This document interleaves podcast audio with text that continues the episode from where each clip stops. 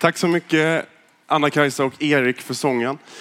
Väldigt kul att få vara på Nyhem och fira den tillsammans med er denna midsommardag. Jag jobbar som pastor i Philadelphia-kyrkan i Stockholm, men har ju alltså mina rötter i Bredaryd. Har vi något folk från Värnamo-trakten här vid? Ja, det är mycket Värnamo och alla ni andra, än en gång varmt välkomna hit.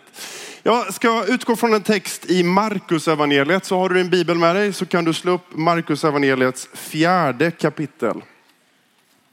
Så ska vi läsa därifrån vers 35. Där läser vi.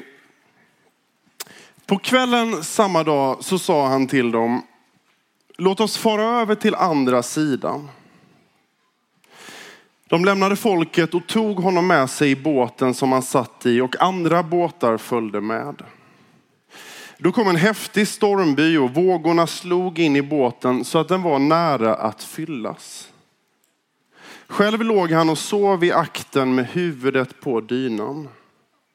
De väckte honom och sa, Mästare, bryr du dig inte om att vi går under? Han vaknade, han hutade åt vinden och sa till sjön, tig, håll tyst. Vinden la sig och det blev alldeles lugnt. Och han sa till dem, varför är ni rädda? Har ni ännu ingen tro? Då greps de av stor fruktan och sa till varandra, vem är han? Till och med vinden och sjön lyder honom.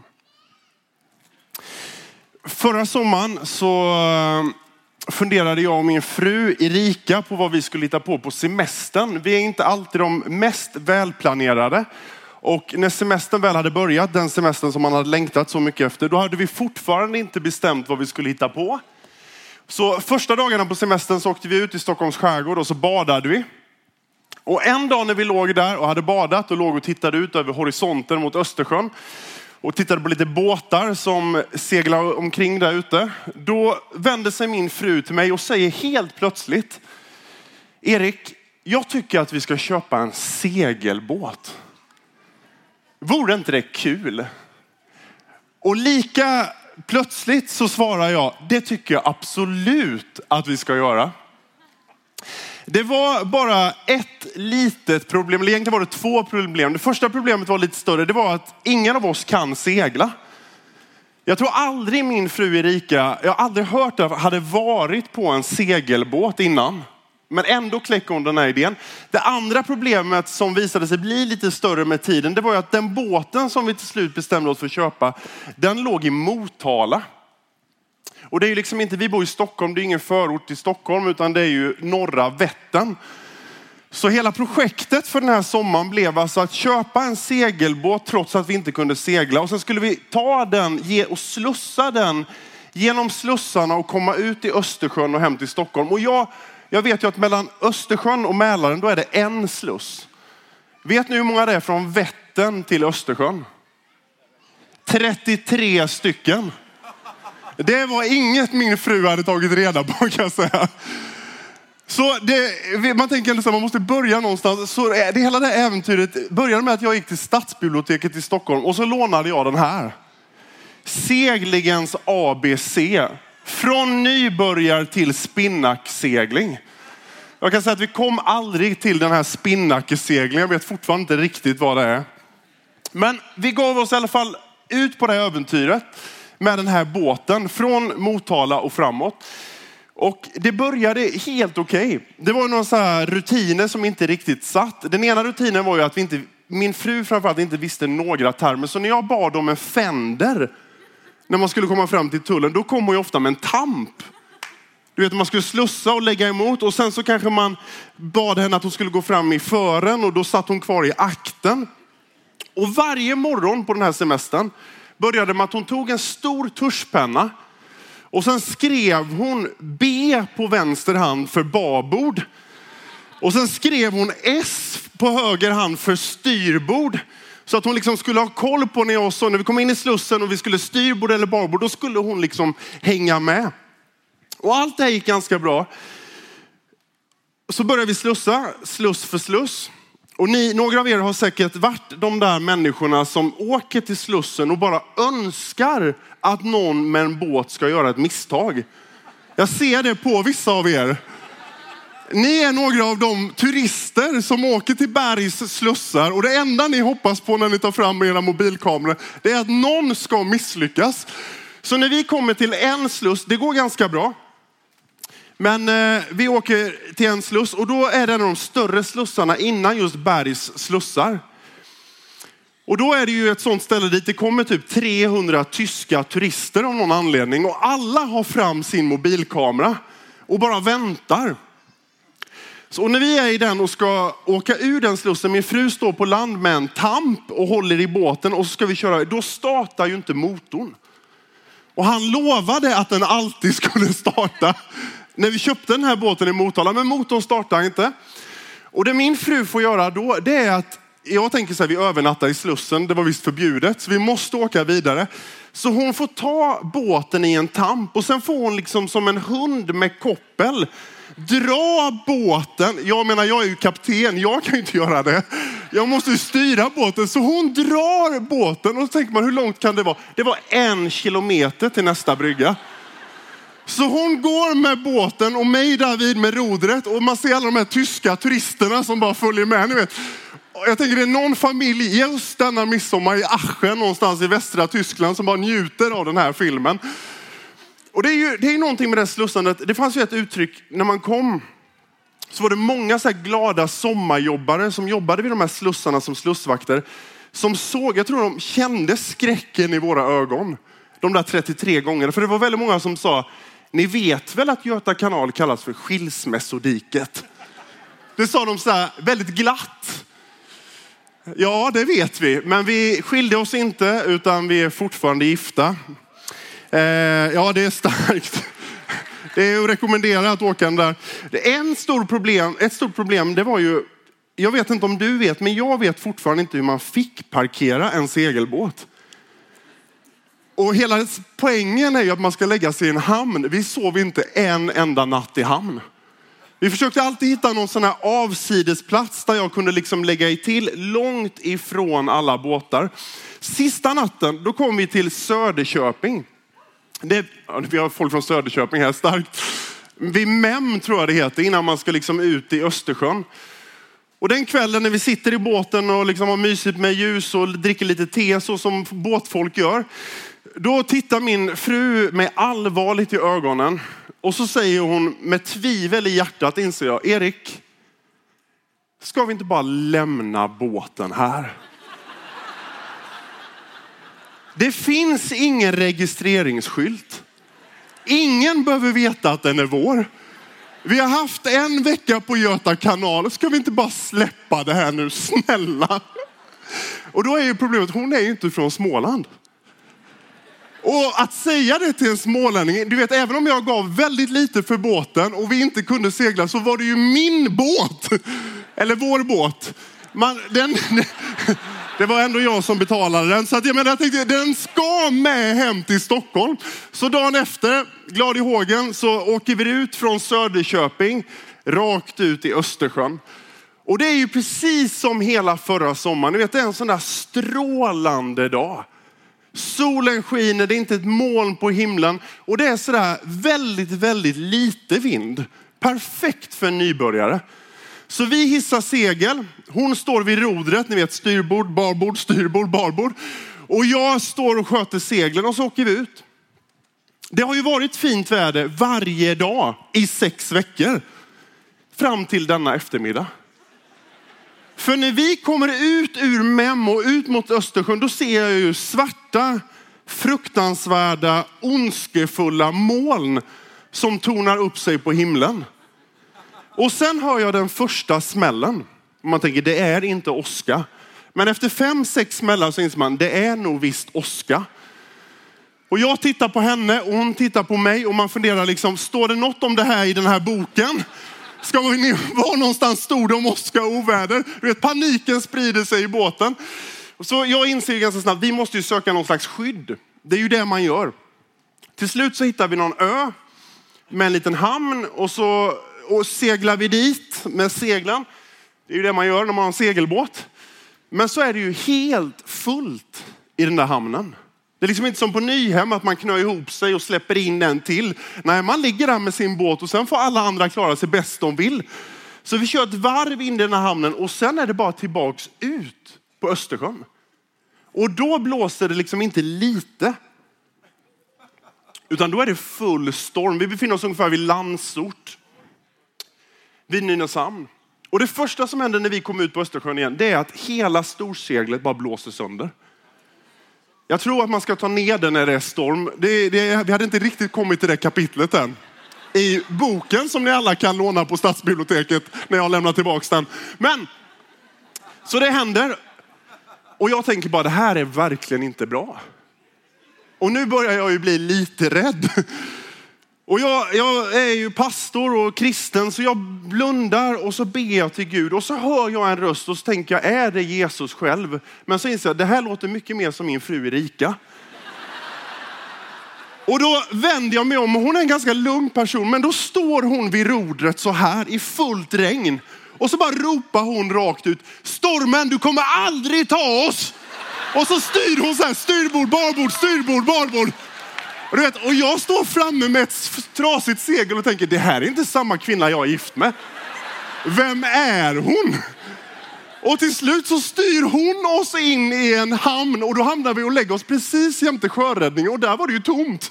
För de var ju ute på något uppdrag. Och sen dagen efter så fortsatte vi och tre dagar senare så la vi till i vår hemmahamn och nu ligger den i Bromma i Stockholm. Jag vill bara säga det.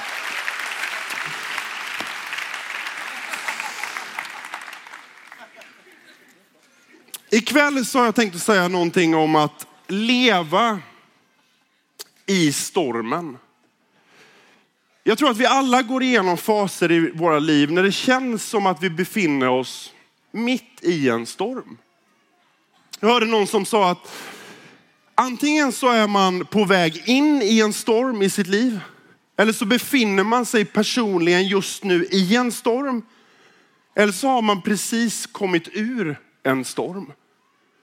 Alltså han menade att det finns bara tre kategorier av människor. Det är några av er som sitter här ikväll i Nyhemshallen som har upplevt en rejäl storm i era liv. Och ni sitter här med fulla konsekvenserna och vetskapen om vad det innebär. Några av er som sitter här, även om allt ser bra ut på utsidan, ni befinner er just nu denna kvällen, just nu i den här tiden i ert liv, mitt i en storm. Och några av er, fast ni inte vet om det, ni är faktiskt snart på väg in i en storm. Och när man läser den här texten från Markus 4 så läser vi om att Jesus är tillsammans med sina tolv lärjungar. De är 13 personer som åker ut med en båt. Och vi vet av evangelien att åtminstone fyra av dem, de var ju erfarna sjömän. Petrus, hans bror Andreas, Jakob och Johannes, de försörjde sig som fiskare. De var liksom inte som jag och min fru Erika, liksom gröngörlingar på sjön. De var erfarna, de hade vuxit upp, deras fäder var fiskare, de hade vuxit upp på vattnet. De var erfarna. Men när de har lämnat stranden där vi är Nesaret och åkt ut en bit så plötsligt så skiftar ju vädret. Och någonstans, så även för de här mest erfarna fiskarna, så blir det en otäck situation. De blir rädda. Och jag tänker, rädsla känner vi de flesta igen. Oro känner man ju ganska ofta. Alla ni som är föräldrar här inne, ni, ni känner ju ständig oro för era barn.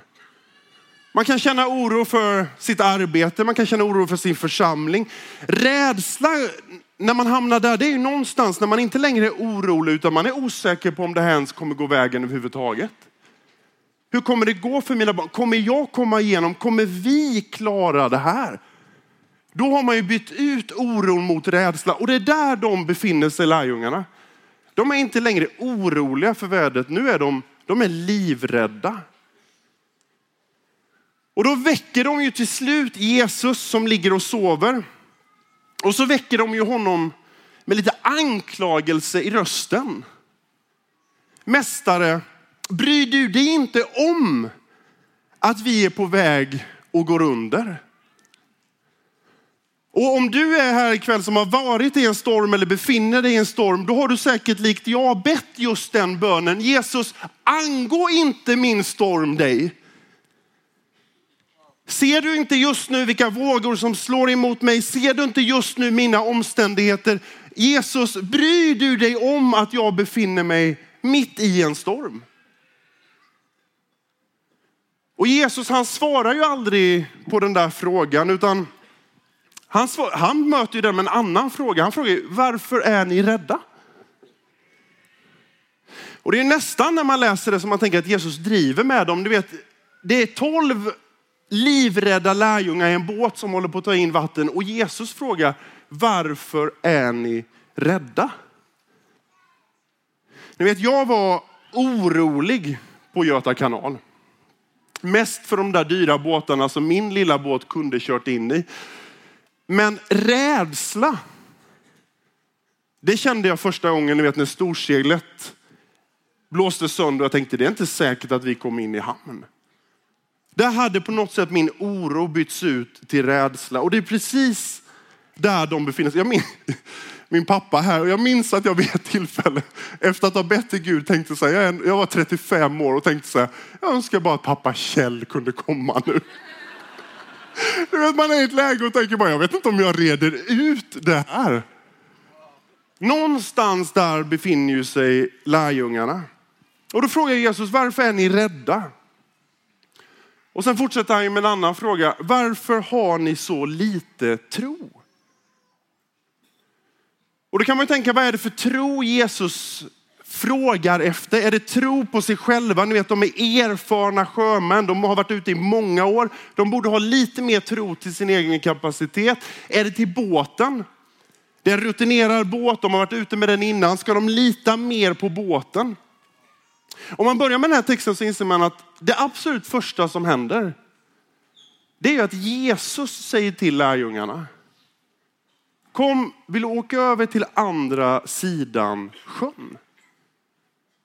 Varför har de gett sig av? Varför lämnar de liksom hamnen på ena sidan Genesarets sjö och ger sig av? Jo, men det är för att Jesus har sagt, ni ska åka över till andra sidan. Men när vågorna kommer in, när stormen kommer, då är det som att de glömmer både att det är Jesus som har sagt det och de verkar glömma att Jesus ens är kvar på båten. För det enda de verkar se, det är ju stormen. Och har man varit i en storm så vet man precis det. Allt annat känns som att det bara faller av åt sidan och det enda man ser det är ju vågorna som just nu slår emot mig, min familj och mina omständigheter. Vad kan man då dra för slutsatser av den här båtfärden som lärjungarna gör? Ja, men det första som är ganska givet, oavsett om du nu är på väg in i en storm, jag är ledsen att säga det, om du är i en storm eller om du har kommit ur en storm så finns det ju vissa nycklar i den här texten som man kan ta till sig. Det första är ju att stormens närvaro behöver inte betyda Jesus frånvaro. Alltså när stormen kommer, det är precis det som lärjungarna tänker. Det verkar som att stormen är det enda som får deras fokus. Det här problemet är det enda de ser. Så det är som att de glömmer att bara någon meter, det är en liten båt. Två, tre meter därifrån så ligger ju Jesus. De har ju sett honom göra under, ni vet vatten till vin och gå på vatten. De har ju sett honom göra massa saker. De bara glömmer bort honom. Och jag tänker några av er som sitter här och lyssnar nu, ni tänker att ni har inte hört från Jesus på väldigt länge. Några av er sitter ju här och tänker, han har nog gått och lagt sig och sovit någon helt annanstans. Men jag skulle bara vilja säga till dig ikväll, bara för att du inte hör Jesus just nu, bara för att du inte ser Jesus just nu, det enda du hör är stormen, det enda du ser är vågorna, så betyder inte det att inte Jesus är hos dig. För stormens närvaro är aldrig ett bevis för Jesus frånvaro. Och det andra man ser så tydligt, det är ju att Jesus låter ju faktiskt inte lärjungarna gå under. Har man varit mitt i stormen så tänker man, det är nu det sker. Jag orkar inte mer. Nu, det, det, här, det här var droppen, den, den räkningen, den diagnosen, det ryktet, det sveket. Jag går under. Men det gör de ju inte. Utan när de väcker Jesus så räcker det med en enda mening från honom. Tig, var stilla. Så lägger sig hela Genesarets sjö. Och det tredje jag tänker när jag läser den här texten, det är ju det som man ju äldre man blir inser mer och mer. Det är ju att, ni vet när, när det är lugn sjö i ens liv, då är det så lätt att tacka Jesus. När allt är bra med familjen, när hälsan finns, när man är på Nyhem. Det är så skönt att lyfta sina händer. Men jag har insett mer och mer att även om jag tackar Jesus när det är lugn sjö, så lär jag känna Jesus i stormen. I höstas så var vi ett gäng från Philadelphia kyrkan som skulle göra en medicinsk outreach till Irak. Det var jag och så var någon annan pastor och så var det ett gäng läkare. Och så skulle vi åka med personal och så mediciner och så skulle vi göra en insats i norra Irak i det som kallas Kurdistan. Tillsammans med en kyrka ifrån Kairo som hade ett arbete där. Och så åkte vi dit. Och det började med att vi åkte från Erbil och så åkte vi tre timmar österut, nordöst mot iranska gränsen. Man såg liksom Iran på andra sidan bergen. Och i den här lilla byn där vi var, där fanns det en eh, lokal pastor som hade en liten husförsamling. Och så fanns det ett sjukhus på den här orten och sjukhuset saknade både läkare och mediciner. Så han hade bett om att vi skulle göra en insats. Så vi kom med läkare och så kom vi med mediciner. Så vi, första dagen var vi på det här sjukhuset och försökte göra nytta. Jag tror vi mötte 300 patienter på en dag. Och så andra dagen, då, då bröt ut tumult på sjukhuset. För religionsfriheten i eh, Irak är ju minst sagt lite vansklig. Så det hade spridits ett rykte att vi var där för att enbart utföra kristen propaganda och egentligen inte ville hjälpa en enda människa. Så den där andra dagen så dök det upp en arg mobb med män som skulle minsann trycka till de här västerlänningarna. Så ganska snabbt från att ha mött patienter och ha en bra stämning så ändrades liksom skiftet till att bli väldigt, väldigt hotfullt på det här sjukhuset. Och ganska snabbt så kom både militär och så kom polis dit. Och efter ett tag så greps vi, hela vårt team, egypter och svenskar, vi greps. På lite oklara grunder får man väl säga. Och så sattes vi in i bilar och så åkte vi en poliseskort. Och så skulle vi åka till en annan by sa de. Vi skulle över bergen ännu längre österut mot Iran. Och när vi sitter längst bak i den här poliseskorten, då sitter jag bredvid Jakob, en god vän till mig. Han är, sitter med i styrelsen i Philadelphia kyrkan i Stockholm. Han är gammal FN-soldat, väldigt stabil kille. Då tittar han på mig och så säger han, Erik, när vi kommer ner över krönet, om du ser svarta IS-flaggor, då öppnar vi dörren och så springer vi för våra liv från bilen. Så vi åker över det här krönet. Så kommer vi ner på andra sidan och lyckligtvis så är det inga IS-flaggor utan där står en polismästare och så står det en fängelsechef. Och så välkomnar de oss in i sitt fängelse och så delar de upp vårt team i män och kvinnor. Och så får alla vi män gå in i en cell och alla kvinnor gå in i en cell. Och så låser de dörren och så går de därifrån. Och, och när dörren stängdes, då började jag bli riktigt irriterad. För då var det som att rädslan för den här mobben och alla vapen som var i gungning, det var en otäck stämning. Den la sig lite och sen satt jag där och tänkte, vilket fruktansvärt resursslöseri det här är. Jag vet inte om det var smålänningen i mig.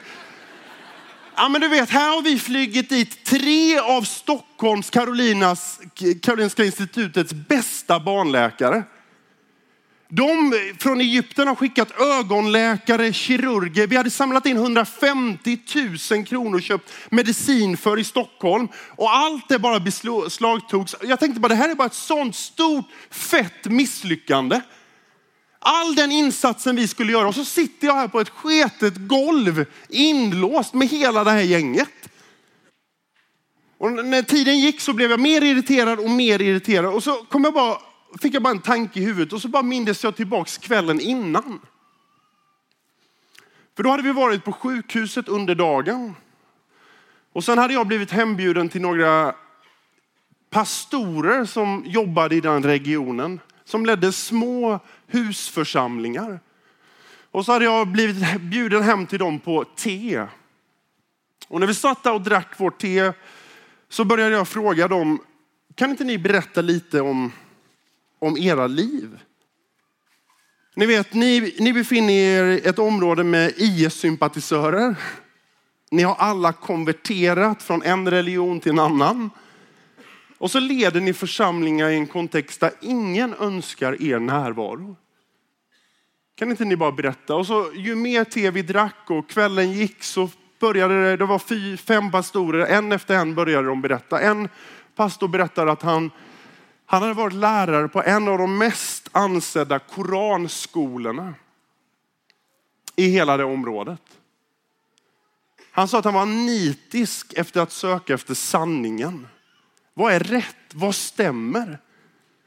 Och så hade han läst i Koranen om allt om Mohammed och allt om Allah och så hade han börjat läsa om Isa. Jesus på arabiska. Och så hade han mer och mer börjat tänka att den här Jesus verkade vara någonting med som skiljer sig från Mohammed. Och så fick han tag i en bibel och så började han läsa mer i evangelierna om den här Jesus. Och till slut insåg han bara, det är ju det här som är sant. Och du vet när man hamnar i det här läget man inser det här är rätt. Jag struntar i konsekvenserna. Jag har ingen väg tillbaka. Jag måste, om han nu är vägen, sanningen och livet, då måste jag följa. Men problemet är ju bara om du blir en kristen, då är det svårt att vara lärare på koranskolan. Så han får ju sparken direkt. Det var tre år sedan ungefär. Och all hans ekonomiska försörjning bara försvann ju så här. Han hade en fru som led av svår epilepsi. Han hade inte kunnat köpa medicin till henne på tre år så ledde han en liten husförsamling på 30 personer som träffades varje torsdag i hans hem. Och så började nästa pastor berätta.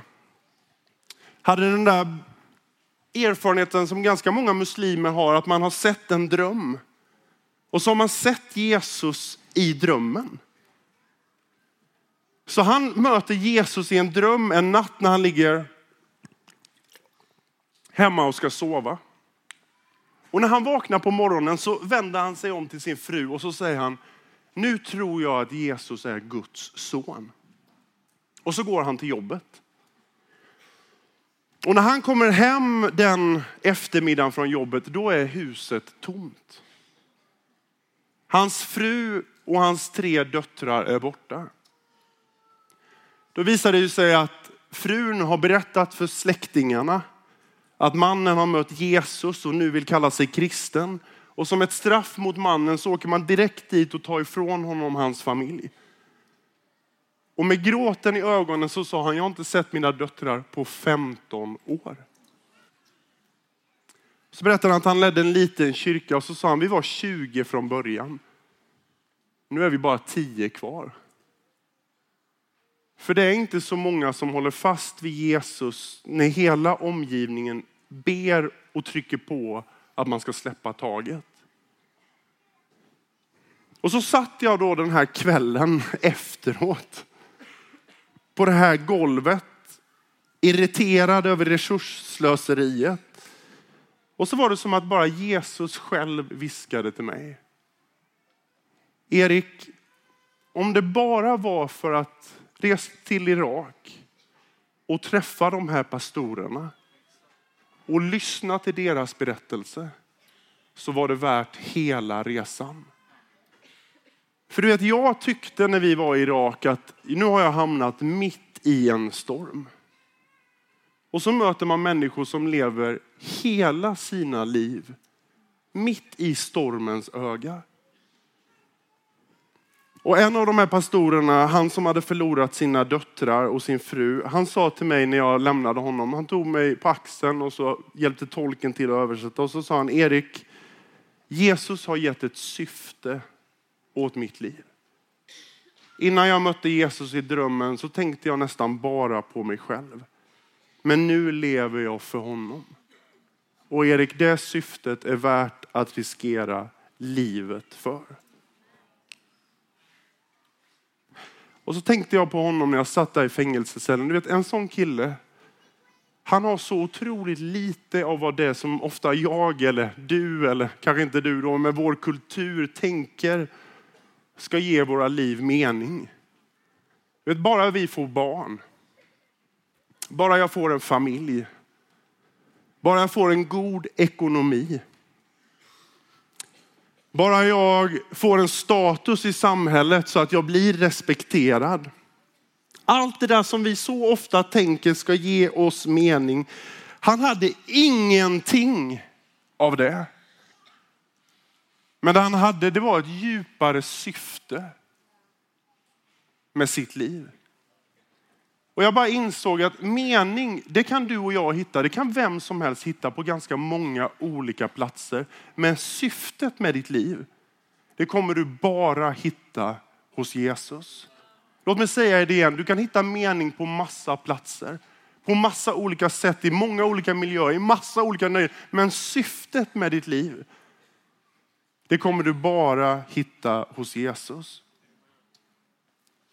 Jag vet när jag landade på Arlanda, vi flögs ju hem efter den här fångenskapen. Och den första, när jag slog igång min telefon på Arlanda när vi hade landat och taxade in mot gaten, den första som ringde mig, det var faktiskt inte min fru. Det var inte heller min chef Niklas Benso, utan det var Sebastian Staxet. Jag hade ett, ett okänt nummer så svarade jag och så hör jag bara någon som säger, hej brorsan, jag har hört att du suttit på kåken.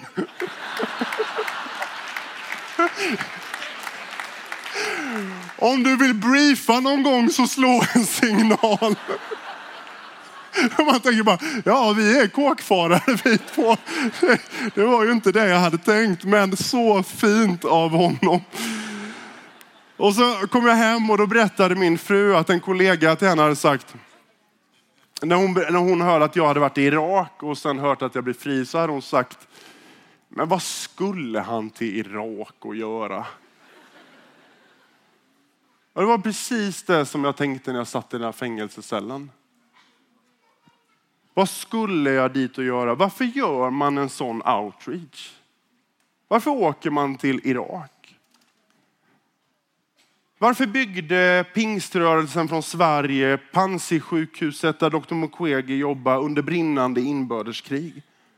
Varför skickar vi pengar och kontakter till Burundi, ett av de fattigaste länderna på jorden? Varför, varför är det inte så att pingströrelsen i Sverige bara satsar ni vet, på Mallorca och Kanarieöarna och Thailand, utan de mest otillgängliga och några av de mest ondskefulla platserna? Jo, men för att det är inte så att vi i största allmänhet går runt och vill ha lite mening, utan vi tror att det finns ett djupare syfte med våra liv.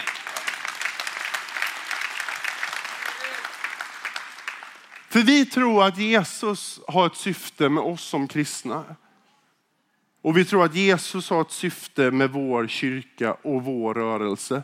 När människor lider, där det saknas hopp, där det är mörkt. Det är där vi ska vara. Det är vårt syfte. Det är dit Jesus riktning pekar. Och då åker vi.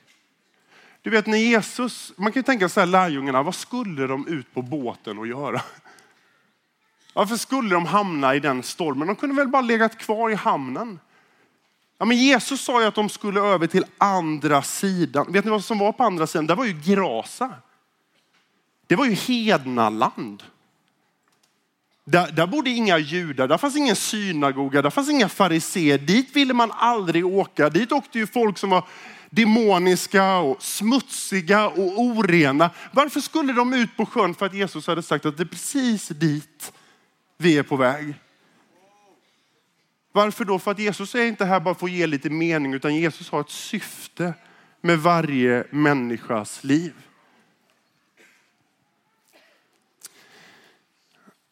Men det är också min erfarenhet, precis som händer i den här texten, att Jesus pekar ut en riktning.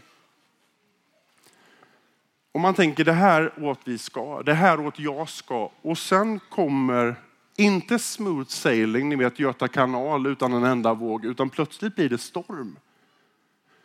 Och det kan ju till och med gunga rejält.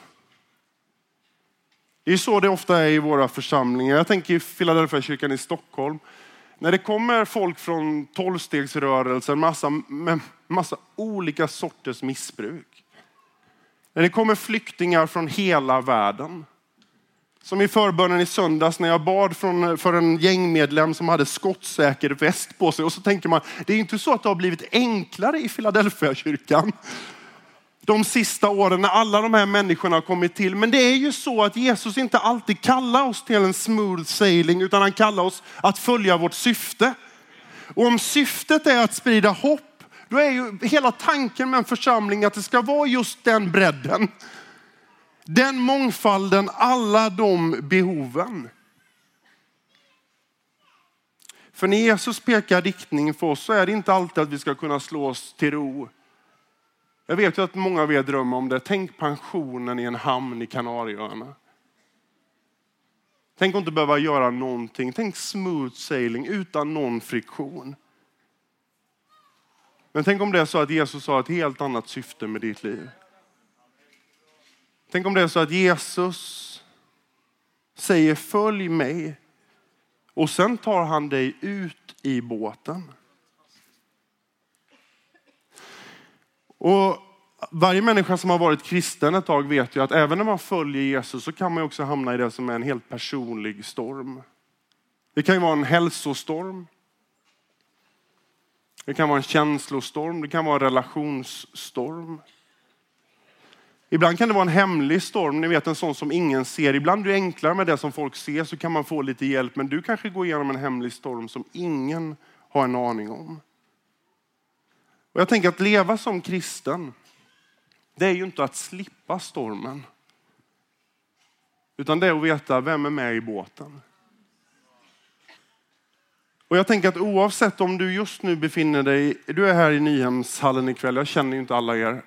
Och du kanske befinner dig i smooth sailing, det är klarblå himmel, eller så befinner du dig just nu i en storm. Oavsett så tänker jag att man varje kväll som denna måste påminna sig om att nej, men jag vill ha med Jesus i båten. Och jag tänker, jag tänker så här, några av er ikväll kanske skulle fundera på om det är dags att våga sig ut. Kanske när, när ni lyssnar så inser ni att ja, men det är en skillnad på mening och syfte. Och min fråga till dig ikväll som har legat kvar lite länge i hamnen och längtat efter det friktionsfria livet är ju, är det så att Jesus ikväll säger, ja men kliv ut i båten. Är det så att det finns ett djupare syfte med ditt liv? Det betyder inte att det blir enkelt. Jag tänker på alla er som har öppnat ert hem för ensamkommande barn. Det är många i Jönköping. Man öppnar sitt hem för någon som behöver en plats och så inser man att det här är inte smidigt. Men jag gör det för att jag tror att Jesus kallar mig. Och Det finns massa områden där man inser att det här är inte smooth sailing, men jag tror att Jesus har ett syfte med mitt liv. Och sen finns det ju några av er ikväll som befinner sig mitt i en personlig storm. Du hör inte Jesus. Du ser inte Jesus. Jag skulle bara vilja säga till dig, du är inte ensam. Och även om stormen låter mer än vad han gör så är han tillsammans med dig just ikväll i din båt. Hur lever man sitt liv mitt i stormen? Jag tänker att man påminner sig om att även om jag inte ser Jesus och hör Jesus så är han här just nu. Han är i Nyhemshallen. Och du som befinner dig i en storm, som kanske är på väg ur en storm, du skulle bara behöva få mer av Jesus ikväll.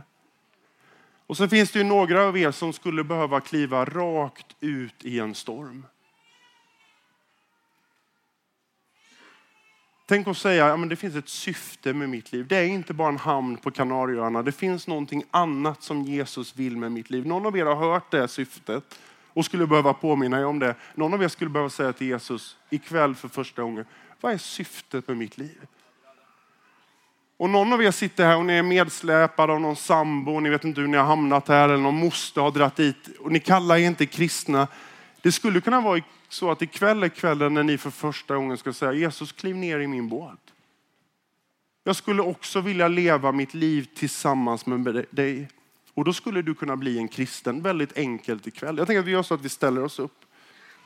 Och så kommer vi sjunga ett par lovsånger tillsammans. Och förbönsplatsen är öppen på den här sidan, er vänstra, min högra sida. Och jag har ju haft ett ganska, på ett sätt kanske inte positivt budskap. Vi kommer alla igenom stormar. Men det hoppfulla är ju att Jesus som är mitt i stormen. Och jag tänker att någon av er nu när vi sjunger de här sångerna kanske skulle söka er fram till förbönen och bara säga det pågår en storm, kanske är det en hemlig storm. Som ingen vet om, som ingen ser, något du kämpar med, något du har varit utsatt för. Tänk om du bara skulle be en förebedjare lägga sin hand på dig och be att Jesus kommer till dig i stormen. Och några av er, ni vet att ert hjärta har blivit lite hårt. Ni vet att det inte riktigt brann som förut. Det är lätt att söka mening i olika saker. Tänk om du denna kvällen bara skulle säga Jesus, det där som den här pastorn i Irak, jag vill ha mer av syfte över mitt liv. Det känns som att jag gång på gång tappar bort mitt eget syfte. Jag tror att varje människa är kallad av Gud. Det finns ett unikt gudomligt syfte över var och en i den här lokalen ikväll. Fråga Gud, vad är det? Säg till Gud, väck upp dig igen. Jag vill ha mitt syfte. Och du som inte kallar dig kristen, vad är det som behövs? Du behöver bara be en bön. Jesus, kliv ner i min båt. Och så kommer han dig till mötes. Du kan också gå till förbönen. Vi sjunger ett par sånger och så är du välkommen till förbön.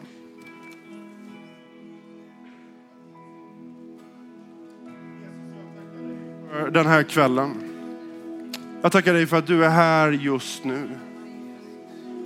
Även om vi inte alltid ser dig och hör dig så tror vi att du är precis nära oss just nu. Oavsett om vi är på väg in i en storm, i en storm eller ur en storm så är du här med din närvaro. Jag skulle bara vilja be att du från himmelen just nu bröt in i någon storm. Och om det är någon som är här och just nu tänker att ja, men jag överlever inte en sekund till, då skulle jag be, säg tig till den stormen. Stilla den stormen, ta den personen säkert i hamn. Men jag skulle också vilja be att någon fick mod att kliva rakt ut i en storm. Tack för att vi får vara en del av en rörelse, en kyrka som inte väljer det bekväma på Kanarieöarna utan kan åka till Irak eller Burundi eller Kongo för att du kallar oss. Visa i våra personliga liv, vad har du för syfte med oss? Vad har du för syfte med mig?